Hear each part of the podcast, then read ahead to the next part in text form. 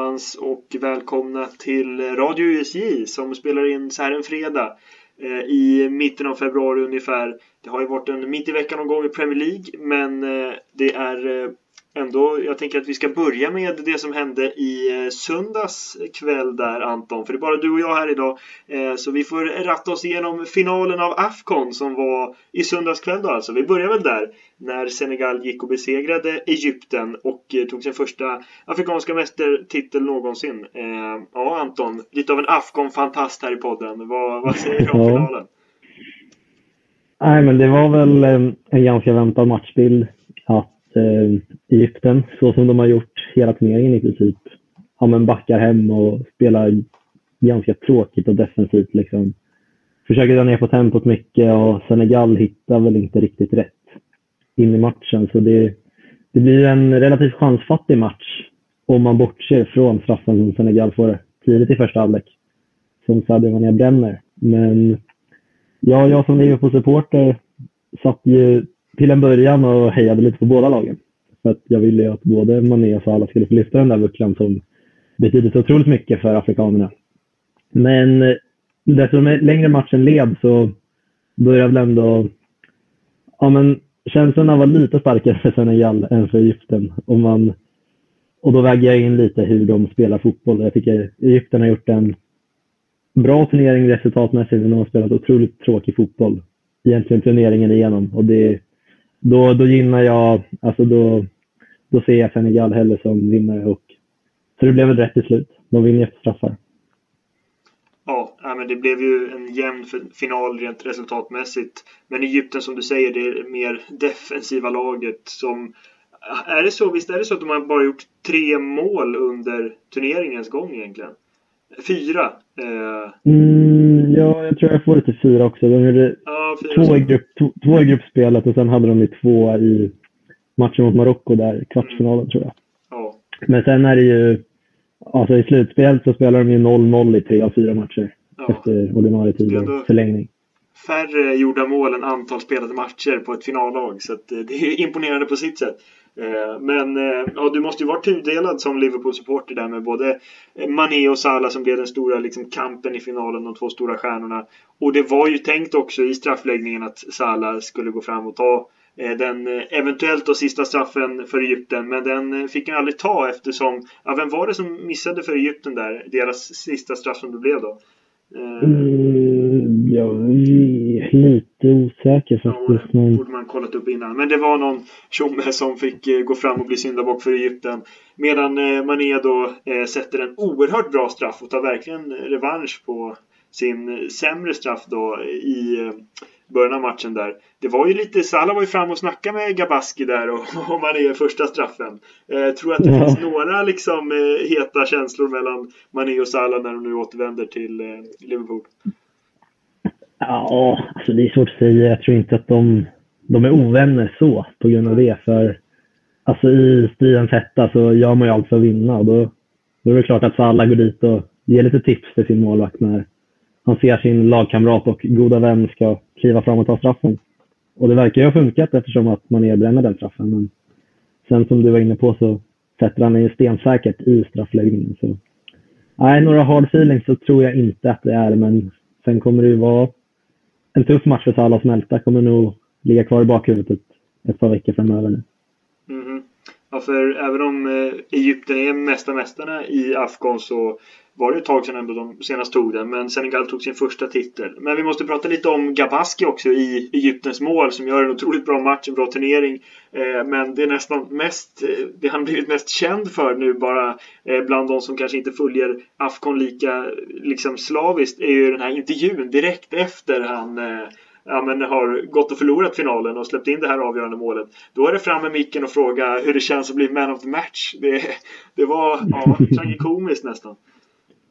Ja, det, jag såg det också. Det är lite, man får ju ha lite känsla också i produktionen. Jag vet inte tusan om det var så jättesmart att ställa den frågan kanske. Nej, nej det var, han, han stod ju och grät där nästan och det, det är ju förståeligt men eh, försökte ändå svara på, på frågan. Men Eh, han eh, gör ju en bra, en bra turnering och det intressanta med Egypten på något sätt att visst, de har ju några främst liksom Englandes kopplade spelare i, i Salah och El och så vidare.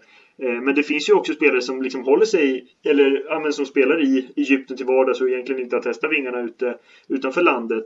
Eh, och det är väl i jämförelse då med Senegal ett lag som kanske mer har sin styrka i kollektivet. Medan Senegal har många bra spelare och är väl egentligen den bästa truppen i hela Afghan så det är inte så konstigt att de går och vinner. Eh, men ja, vad säger du där om liksom, eh, man jämför Egyptens lag med, med Senegals på det sättet? Nej, men det är som du är inne på. Senegal gick ju in i finalen som stora favoriter. Liksom. Men eh, alltså, man känner inte underskatta ett starkt lag. Liksom. Egypten de ändå haft en liknande trupp de senaste åren och verkar som att de har byggt upp en jäkla stark lagsammanhållning och jag menar att alla, alla är med på tåget. Liksom. Alla strävar åt samma håll. Och de spelar inte defensiv fotboll, men det känns som att alla liksom är villiga att ta det jobbet för att göra det. Så det funkar ju. Och i ett mästerskap så handlar det, sig, handlar det om att ta sig vidare, i, speciellt i slutspelsfasen, att ta sig vidare på ett eller annat sätt. Och om det bästa sättet är att spela en tråkig defensiv fotboll och vinna på straffar, så varför inte? Men sen för mig som ja, men inte har några jättestora sympatier för lagen i sig så är det ju ganska tråkigt att titta på. Men alltså, det är inte, vi tittar inte rätt person att säga vad som är rätt och fel för att vinna fotbollsmatcher.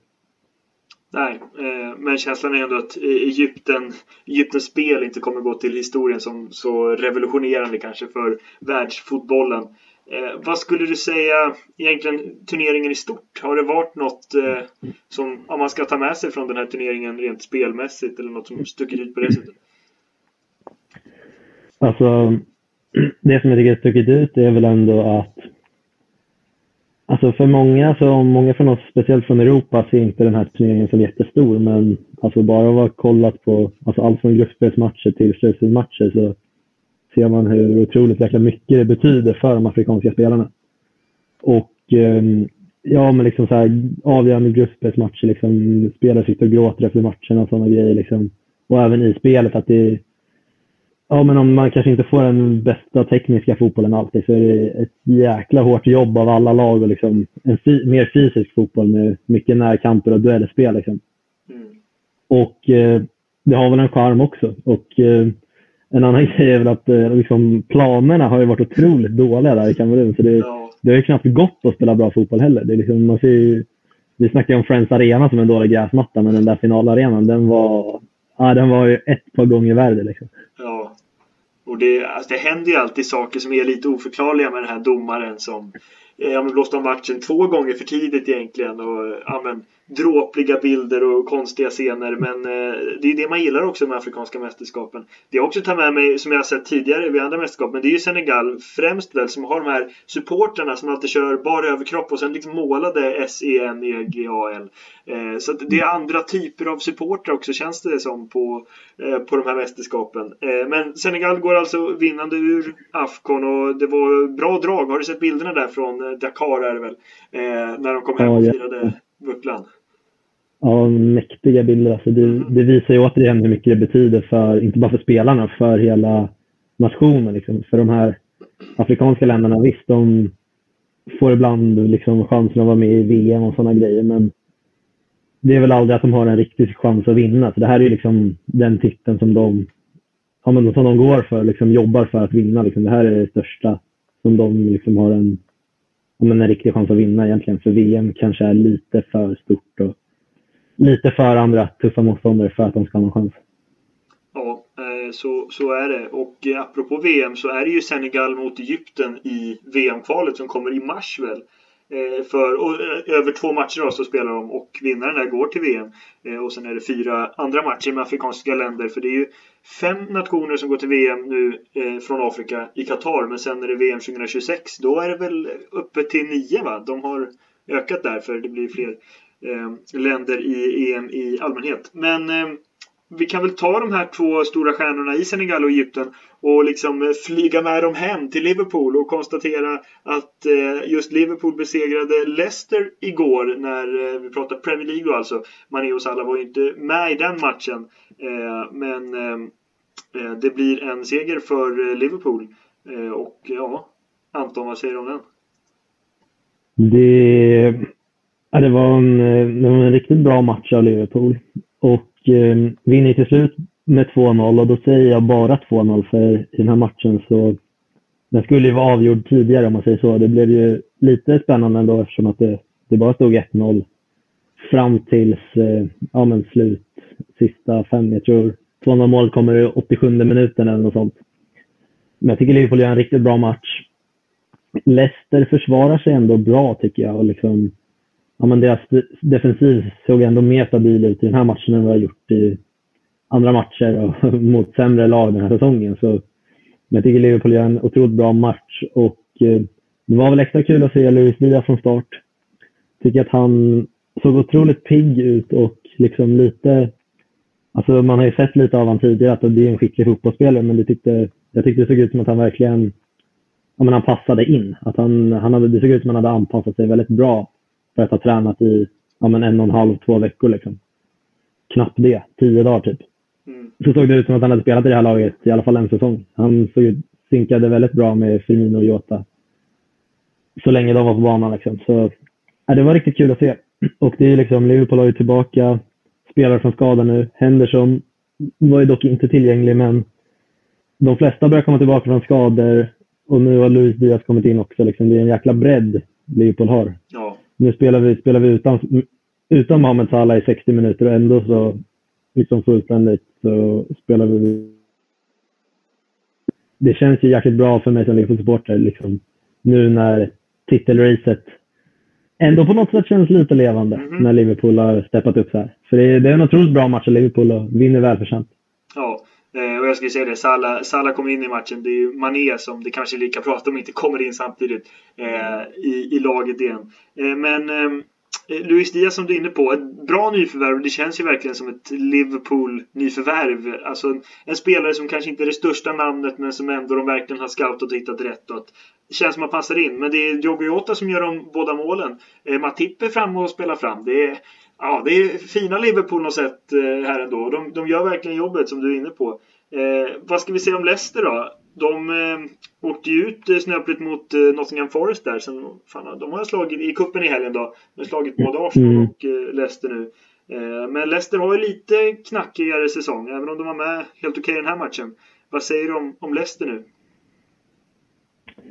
Nej, det, det är ju det är inte så bra som det har varit liksom. Men sen, ja, de gör ju ingen bra säsong, men de har ju också haft och har ganska mycket skadebekymmer på speciellt mittbackpositionen.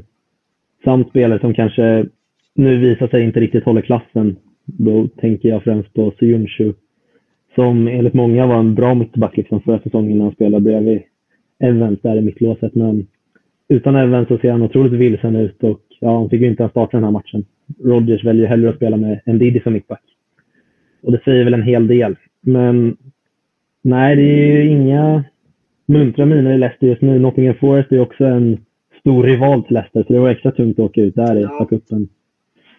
Mot ett liksom, ja, men eh, en stor rival som också spelar en division under. Det är ju blytungt liksom. Ja. Så, ja, så de... Ja. Ja, nej, men som att Leicester det är väl okej okay att de har en mellansäsong här men liksom nästa säsong blir det verkligen viktigt att se vart de tar vägen i det här bygget med Brendan Rodgers. För att de har ju varit, alltså förra säsongen och säsongen innan det, de slutar femma. De gör det väldigt bra för att vara en klubb av den storleken och de har egentligen fortsatt på den här framgångsvågen efter titeln. För det var ju rent eh, utav en skräll bara liksom. Eh, men de har fortsatt vara i toppen. Nu ligger de tolva just nu. Eh, och eh, ja, men det blir intressant att se med, med Brendan Rodgers om han kan få nytt liv i det här laget. Patson Daka har kommit in till exempel, en intressant eh, spelare. Eh, om vi ska sia lite då, vad tror vi om Leicester nästa säsong redan nu? Tror du att de, de kan liksom avancera uppåt igen?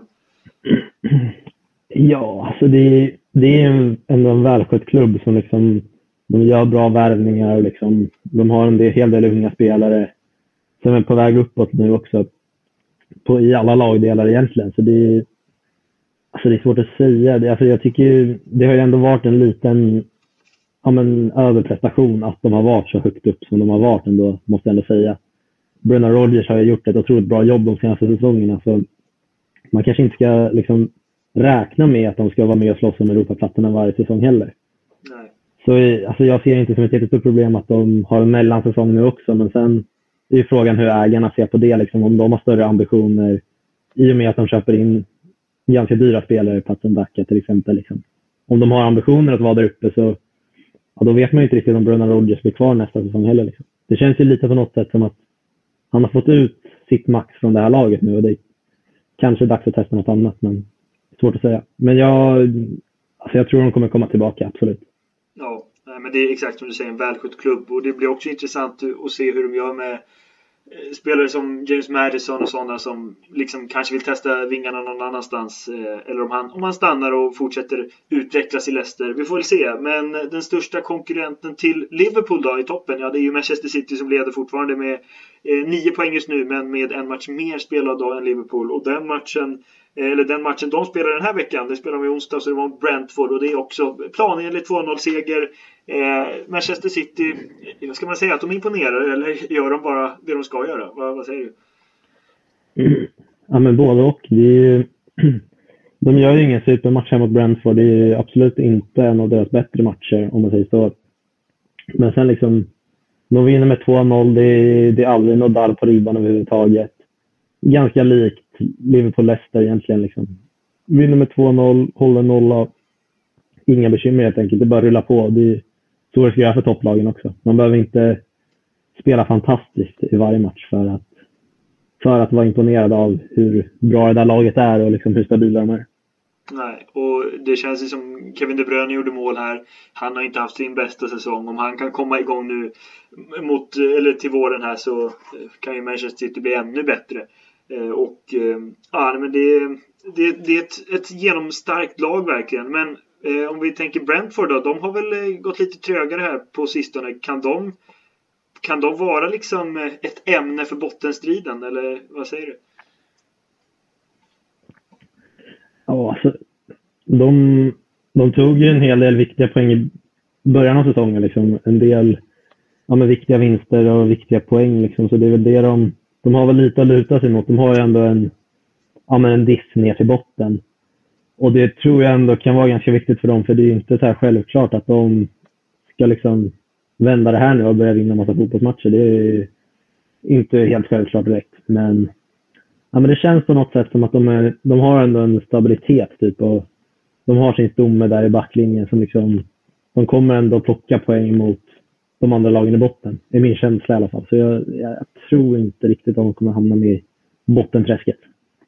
Nej, eh, nej jag, jag, tror inte heller att de, de åker ur. Men anmärkningsvärt är ändå att de senaste poängen i Premier League så tog de i början av december nu.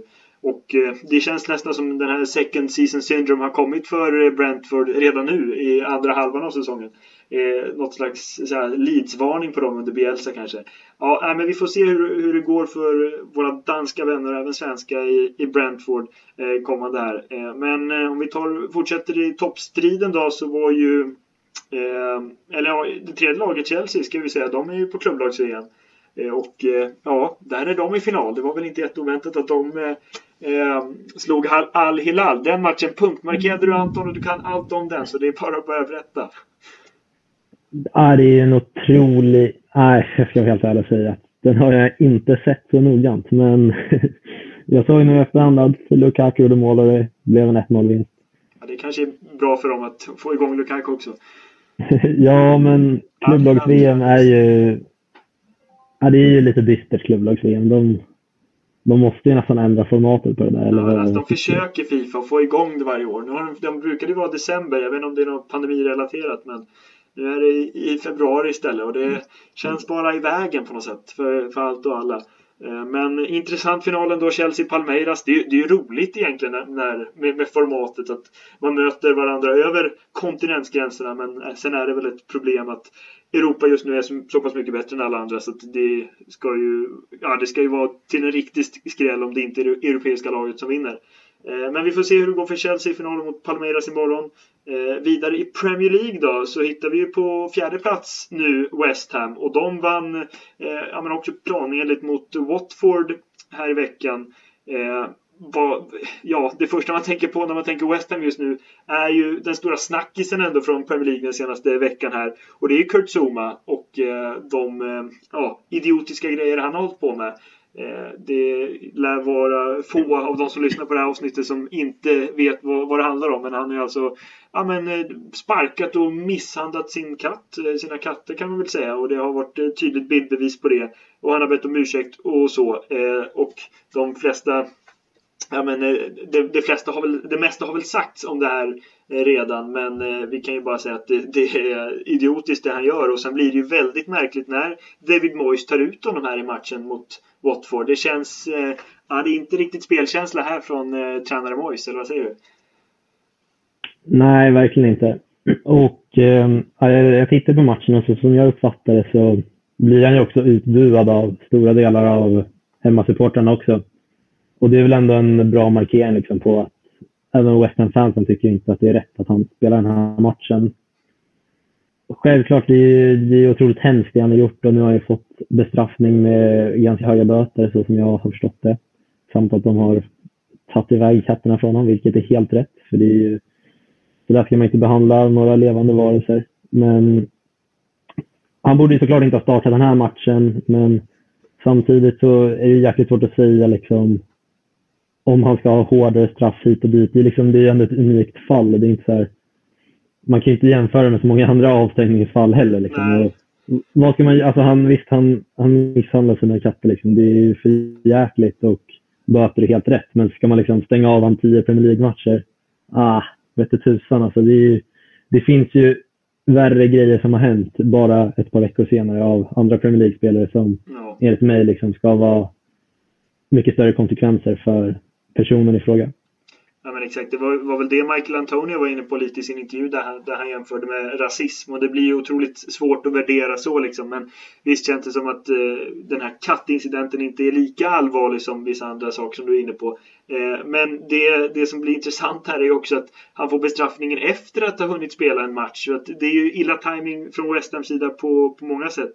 Eh, men eh, ja, det, det är tråkigt att sådana här saker händer helt enkelt. Och på något sätt känns det väl inte omöjligt att det har hänt sådana här saker genom åren men att med sociala medier och med videor blir mer ja, men öppet för allmänheten. Eller är det en vild gissning? Ja, men det, det måste man ändå tro. Liksom. Jag har svårt att se att andra fotbollsspelare inte har gjort liknande saker. Sen, och sen tycker jag, alltså det, det dras igång också ganska mycket diskussioner att fotbollsspelare kassa förebilder hit och dit visst, jag förstår det. De är förebilder för många unga, men man måste också tänka typ en sån här grej. Alltså det är inte bara fotbollsspelare som gör såna här grejer. Nej. Det är då det blir uppmärksammat. Alltså såna här djurplågor, om man ska säga det så, liksom finns ju överallt i samhället. Så det är inte, det är inte ett problem för bara fotbollsspelare som jag har sett att vissa på sociala medier vill få det till att mm. fotbollsspelare är kassa förebilder. Och visst, de kanske inte är perfekta förebilder, många av dem, men det är fortfarande inte ett problem för fotbollen, om man säger så. Nej, och man kan ju tänka på Det är för hela, sam hela samhället. Ja, och man kan ju tänka på alla fotbollsspelare som inte gör så här också. Men eh, det är klart ett allvarligt problem som är, lär belysas, eller gör det med all rätta. Eh, vi kan väl eh, gå vidare här i matchkavalkaden och konstatera att eh, det hände en del grejer på Villa Park eh, i onsdags när Aston Villa mötte Leeds. Så det blev 3-3. Eh, men eh, från Villas synvinkel, synvinkel ska jag säga. Eh, Coutinho och Ramsey, de hade show där på Villa Park, eller vad säger du? Ja, verkligen. Det är, alltså det är riktigt kul att se Coutinho tillbaka i Premier League, måste jag säga. Liksom. Speciellt för mig som ändå sett honom i Liverpool-tröjan och varit helt fantastisk under några säsonger på Merseyside. Liksom. Det jag, jag undrar honom verkligen den här framgången att liksom, nu få komma tillbaka till Premier League och, och verkligen spela ut på riktigt. Gerard sa ju det liksom, efter matchen också att, att han, han ger Coutinho det här utrymmet att ha en liten friare roll och liksom, ja, men få spela sin fotboll igen liksom, som han kanske inte riktigt fick i Barcelona. Så det är alltså, båda framspelningarna är ju av riktigt hög klass och ett mål på det. Liksom. Det, ja, det är riktigt bra. Sen är väl inte Villa nöjda med 3-3 ändå på hemmaplan mot Leeds. Liksom. De förväntade sig nog att vinna den där matchen, men ja, sånt som händer. Ja. Danny James spelar ju i Leeds och då kan det bli mål. Ja, exakt. Eh, nej, men nu såg inte jag matchen, men det känns ju ändå som att eh, Aston Villa har kommit igång här, men att det på något sätt resultatet, alltså att, att de tappar en poäng mot Leeds är inte så bra, men det känns ändå framförallt med de offensiva pjäserna som att de har kommit igång här. Och som du säger, med Coutinho tillbaka i Premier League, riktigt intressant. Och Jacob Ramsey är ju en av de största ja, men genombrotten den här säsongen egentligen. Eh, och gör det väldigt bra. Och Aston Villa under Gerard har ju verkligen fått ett eh, uppsving här. Eh, och det är ju ett, ett starkt lag rakt igenom egentligen. Eh, anmärkningsvärt är väl att eh, Estri Konstra får eh, rött kort i den här matchen också. Men eh, ja, som du säger, när Daniel James spelar i Leeds då kan allting hända. Eh, hur tror vi det går för våra vänner i Leeds? Eh, klarar de sig kvar i Premier League den här säsongen? Ja, det tror jag väl ändå. Jag tycker de har en helt okej trupp. Det var ju, de hade ju en period här, som jag tror det var väl slutet av december, när de hade en, ja, en hel drös förluster och tunga resultat. Men då hade de också otroligt mycket skador i truppen. Men nu har de fått tillbaka en hel del nickelspelare och ja, man har väl börjat ta sina vinster, ta sina poäng igen. Och, ja, jag tror väl de ska klara sig, men ja, det är väl ingen toppensäsong av Leeds liksom, men Nej. 15 plats, de har ändå de har sex poäng från nedflyttning och de ska nog inte kunna blanda sig i botten, tror inte jag heller. Nej, och det Alltså, även om det är ja, men Brentford och neråt nu då kanske som kan blanda sig i bottenstriden. Brentford har många fler matcher spelade också än de lagen under där så det kan bli problematiskt för dem. Men ändå känns det ju som att alltså, man har ju inte en känsla av att Everton åker ut och man tänker ändå att Leeds hamnar kvar. Och jag tror ju också att Newcastle klarar kontraktet med tanke på ja, med de spelare de har fått in nu och att de har ett intressant lag i grunden. Och då är det tre lag kvar och det är Norwich, Watford och Burnley. Eh, så det är väl inte helt galet att tro att det är de tre som åker ut till slut.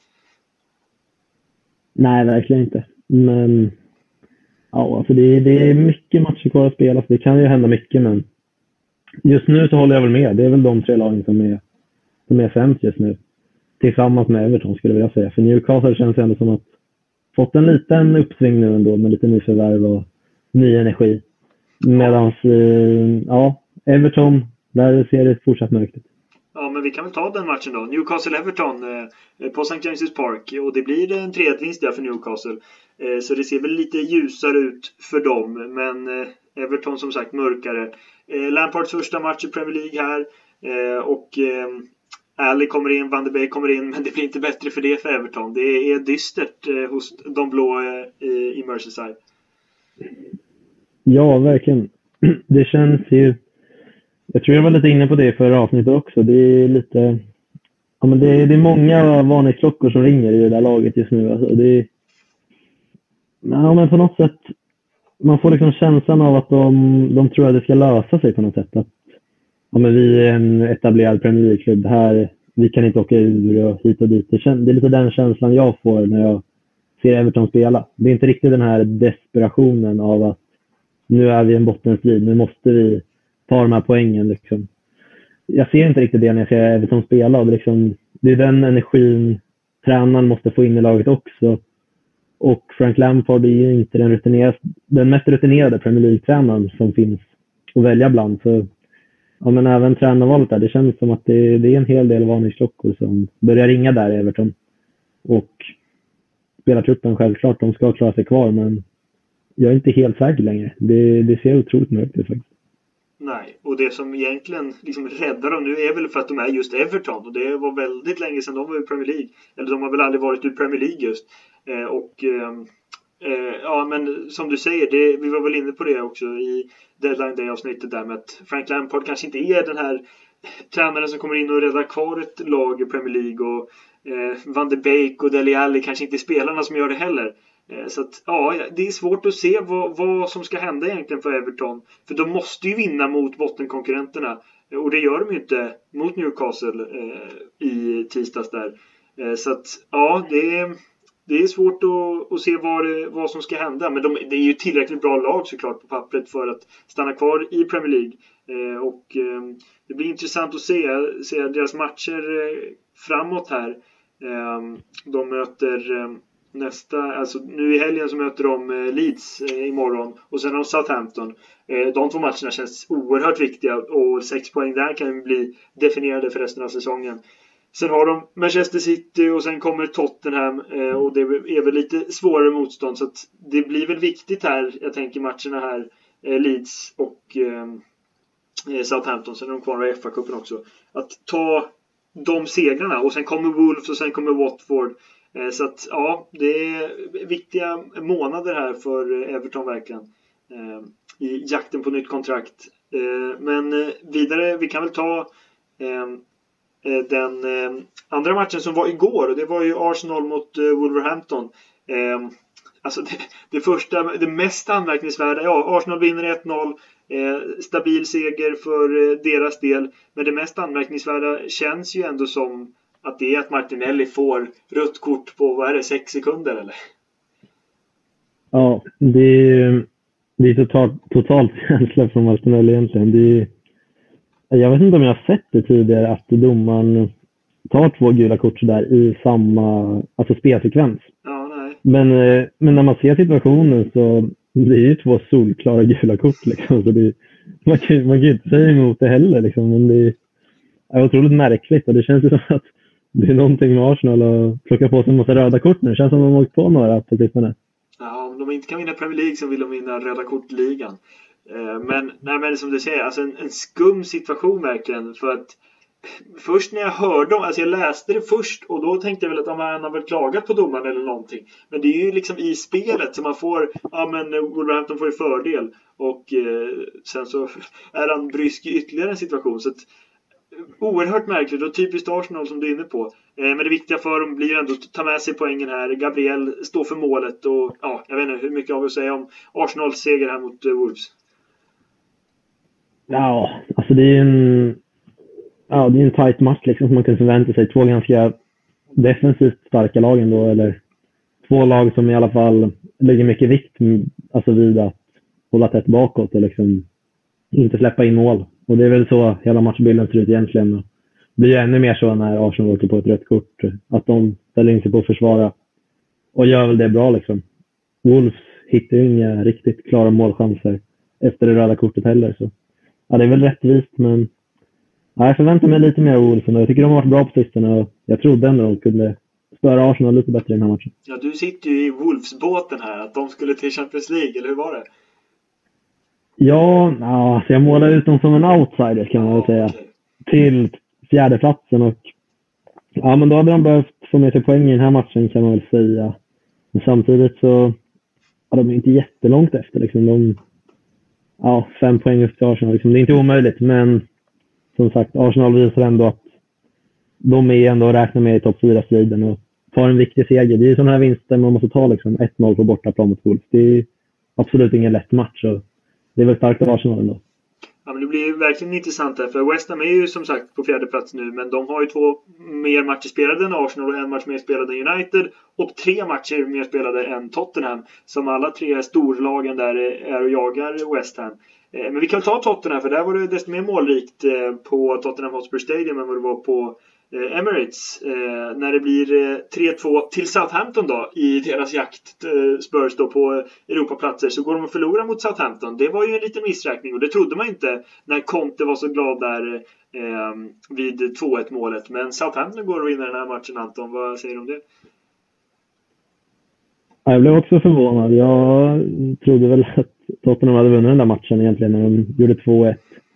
Men det ju otroligt starkt av Southampton och liksom, ja vad ska man säga, Ward Prowse levererar igen med en otroligt fin högerfot där. Och han spelar väl fram till 3-2 målet, eller 2-2 målet, något av dem i alla fall. Ja. Med ett otroligt fint inlägg. Jag tror han får två assist i matchen också. Så jag, ja, det är otroligt starkt av Southampton, men måste väl ändå se det som en missräkning av Tottenham. Det är ju han ska ju vinna sån här match och det var ju lite på förhand så kändes det som att ja, men en sån här match vinner Tottenham nu under Conte. Liksom, när de har fått den här stabiliteten som man trodde de hade fått i alla fall. Men nej, tiden inte. Southampton lyckas vända sent och och det är inte jättebra för Tottenham i topp 4-matchen där. Liksom.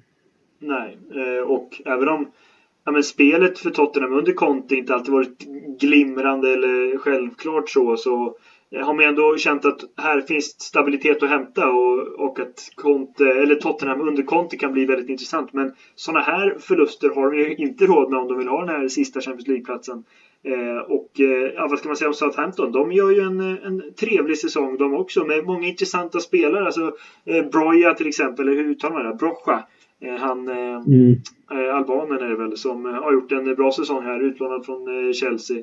Det är alltid Chelsea-spelare som dyker upp i oklara sammanhang. Men de ligger tia just nu på, på Southampton på övre halvan. Och, eh, ja, eh, starkt av dem att gå och vinna mot Spurs helt enkelt. Eh, vi kan väl nämna att Kulusevski kommer in och gör sin första Eh, Premier League-match. Det var ju inte bra timing i och med att han på något sätt blev... Han byttes in och då förlorade Tottenham, även om det inte direkt var hans fel så. Mm. Men eh, roligt att han är igång i Premier League också, eller hur? Ja, verkligen. Sen pratade en del Tottenham-supportrar om att han, 2-2 målet, att han, han var ju lite inblandad i det ändå. Ja, han gick bort sig lite. Men, ja men det är kul att se honom i Premier League, verkligen. Men han har väl inte fått en bästa starten kanske med det här inhoppet. Men ja, man måste ge det lite tid ändå. Han kommer inte dit i någon toppform heller. Liksom. Så om de fortsätter ge honom chansen så tror jag verkligen att han kan uträtta någonting här i Spurs. Men ja, man vet ju aldrig heller. Det känns, jag, jag läste en hel del på Twitter att en del Spurs-supportrar ja, men de var lite skeptiska till värvningen nu efter vad de har sett nu med två inhopp. Vilket jag tycker är alldeles för tidigt för att utvärdera en värvning. Men han blev ändå lite av en, ja, men av en syndabock här i den här matchen också. Att man börjar klaga på att det var en dålig värvning hit och dit. Men ja, jag vet inte. Jag tycker det är för tidigt att säga ändå. Nej, det, det håller jag ju med om. Eh, han gjorde ju sitt första inhopp då mot, eh, vilka var de mötte nu i FA-cupen helgen? Nu tappade jag laget där. Brighton va? Ja, Brighton var det ja. Eh, och där var ju ändå intressant. Han är ju, spelar ju fram eh, till Bergman är det väl, men som ja, inte riktigt till avslut och Kane där också. Så det känns som att det finns kvaliteter att hämta ur Kulusevski. Men visst, man är inte, man är inte liksom helt övertygad om att, att han kommer lyckas. Men eh, då är det ju upp till bevis för svensken här. Ehm, och få se hur det går i framtiden eh, för eh, honom i Spurs. Övriga matcher då, de vi har kvar är ju Norwich Crystal Palace 1-1. Det finns ju inte jättemycket att säga om den egentligen från, från i onsdags. Eller har du något? Nej, inte direkt. Det är väl... Norwich eh, verkar ändå plocka lite poäng på sistone och det är, mm. är väl välbehövligt när andra lag där i botten verkar börja röra på sig också. Och det är ju Timo Pukki som gör mål och han gör det i första minuten så att eh, det tar vi med oss från eh, matchen på Carrow Road. Eh, och sen avslutar vi då med att eh, Manchester United fortsätter att gå knackigt. Eh, de gör ju en stark första halvlek ändå mot Burnley då i tisdags. Eh, men ändå kommer de bara från Turf Moor med en poäng. Och eh, ja, vad, vad, ska man säga om det här Manchester United? För det har kommit ännu fler liksom, ja, men rykten om att eh, spelarna inte är nöjda med Ralf Rangnick. Och, ja, jag, jag trodde väl ändå att det skulle bli bättre nu med Ralf Rangnick. Känns som en, en, jag menar, som en mer kompetent fotbollsman än Ole Gunnar Solskjaer. Men nej, det, det vill sig inte för Manchester United. På något sätt är det som att när de gör de okej okay prestationerna som det ändå var i första halvlek Eh, så, så får de inte med sig eh, poängen och när de gör de sämre prestationerna så får de med sig poängen och det går fort, fortfarande knackigt för, för United. Har du något eh, att tillägga här? Alltså 1-1 mot Burnley är såklart inte okej i jakten på eh, Champions League-platser.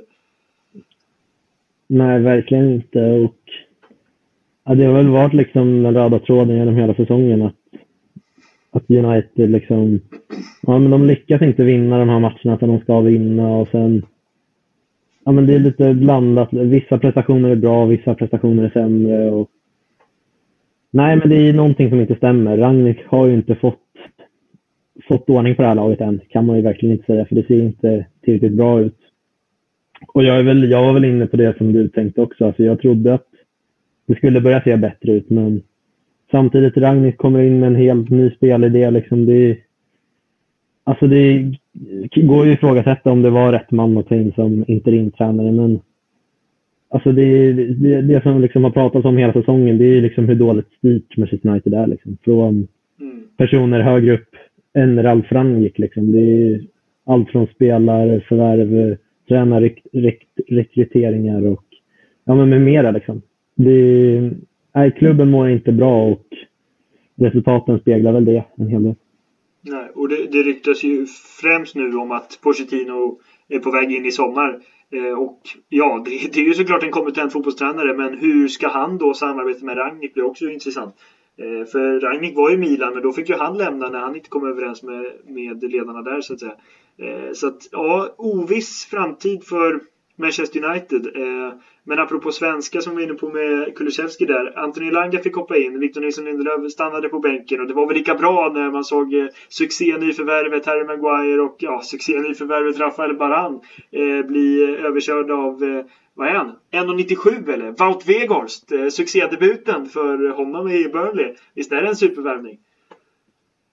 Ja, jag var lite skeptisk till en början, men uh, jag tyckte han såg fin ut i den här matchen eh, kommer säkert bli 90 för Burnley och han passar ju, det visste vi innan, han passar ju in i deras, deras spelidé och hur de vill spela fotboll. Liksom, så är han, han är ju den perfekta anfallaren. Så det är bra scouting av Burnley. Liksom, och det, ja, vad ska man säga om mittbacksparet? Liksom, Rafael Varan har man ju ändå, alltså han har, jag tycker ändå Varan har gjort en bra säsong. Liksom så. Han har inte varit någon, någon flopp på det sättet. Men det kommer man ju också ihåg från Real Madrid-tiden att Varann var ju som bäst när han fick spela bredvid sig Ramos. Liksom, hade en ledare bredvid sig. Ja. Som också en bra spelare bredvid sig. Liksom. Och när han och Maguire nu spelar tillsammans på Burnley så ser båda två helt vilsna ut. Liksom.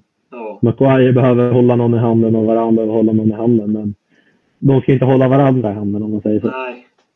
Och jag tycker fortfarande att det är, ja, det är ju otroligt tjänstfel att ens Maguire ska starta i Manchester United, tycker jag fortfarande. Jag tycker det är en, ja, det är en alldeles för dålig mittback för att spela i, i ett ja. sånt, sån stor klubb. Ja, men det är ju det är nästan synd om honom alltså, för att den prislappen är ju omöjlig att leva upp till honom, eller leva upp till för honom. För att han har ju varit en av de absolut sämsta värvningarna på 2000-talet om inte annat. Eh, för ja, men en stor klubb och ja, det är ju så, så Alltså det, han, han, är ju för dålig. Det, han, var, han var intressant när han kom fram i Leicester. Han har varit eh, okej okay stundtals i, i, engelska landslaget. Men det har inte sett bra ut egentligen någon gång genomgående i Manchester United. Och nu blir han ju på något sätt den stora syndabocken eh, i det här laget. Och ja, Harry Maguire, världens dyraste mittback. Det är deppigt att konstatera. Och han känns ju, alltså, som han går bort sig där och varann också vid eh, 1-1 målet när Weghorst är Messi eller vad det ser ut som och spelar fram till Rodriguez. Då, ja, det är deppigt för Manchester United. Stora, starka Manchester United förlorar mot eh, lilla Burnley. Eh, vad, hur ser vägen upp ut egentligen för, för Manchester United? Har du något svar på det? Nej, alltså det är, det är alldeles för många frågetecken som liksom måste rätas ut innan man... Innan, alltså man ser ingen tydlig väg framåt för det här laget. Alltså det, det är otroligt konstigt också för det är ett otroligt namnkunnigt och skickligt fotbollslag som, ja, men som ingen tränare på sistone liksom lyckats få ut mycket av. Alltså det är, det är inte bara den här spelartruppen och den här tränaren, liksom, det är ju ända sedan Ferguson lämnade, alltså, det, det, är ingen som har fått till det i Manchester United. Och, alltså, det, det går ju inte än att säga annat än att uh, alltså, det måste ju vara ett fel som ligger högre upp. Att liksom, ägare och sportchefer och allt som finns däremellan, liksom, ja, men det är för många inkompetenta personer på alldeles för högt uppsatta positioner i en otroligt stor och ja, men en, alltså en av de största klubbarna i hela världen och då, så ska det inte vara. Verkligen inte.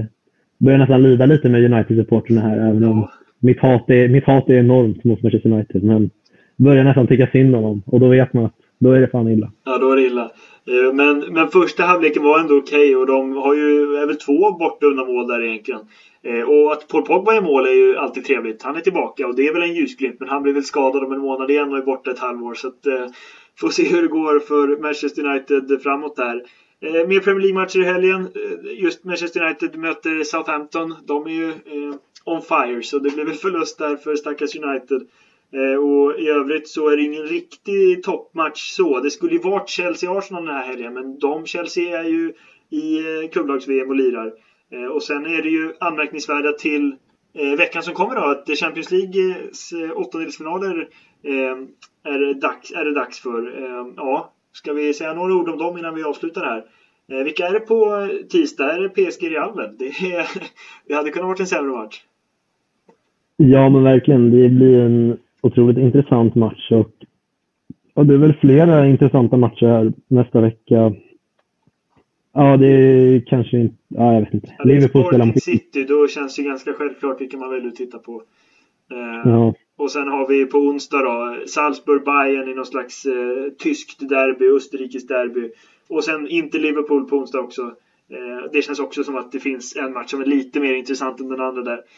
Eh, och sen mm. fortsätter det veckan efter då. Men eh, PSG-Real, det är ju ett riktigt eh, stort möte här. Och eh, ja, det blir ju väldigt intressant att se för det känns ju Alltså man kan inte säga att Real Madrid är favoriter, men eller ja, det känns det väl som att de är egentligen, för de går ju bra i La Liga och PSG har ju problem så att vi, de har inte problem med Liga Ö, men de har ändå problem med att få ihop det här stjärntäta laget och eh, få det att funka. Eh, vad, vad, tror du? PSG Real? Ja, men det är som du beskriver. Alltså, ja, alltså i, i min värld så är Real Madrid ändå över två matcher så är de favoriter för mig och jag tror att Real Madrid ska fixa det där. Känns så jäkla konstigt att säga det när man liksom målade upp PSG som en sån jäkla stor favorit till Champions League på förhand innan säsongen drog igång. Men, nej, men så som det ser ut nu och ingångsvärdena i den, det dubbelmötet, så man kan inte säga något annat än att Real Madrid är favoriter, skulle jag säga.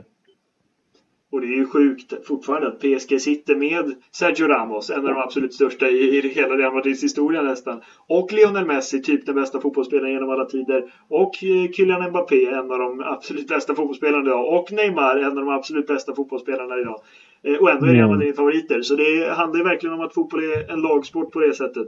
Men det blir alltså intressant att följa Champions League som kommer till veckan och Premier League som kommer till helgen. Eh, och sen så, ja får vi väl avsluta för idag Anton. Eh, trevligt att du var med här.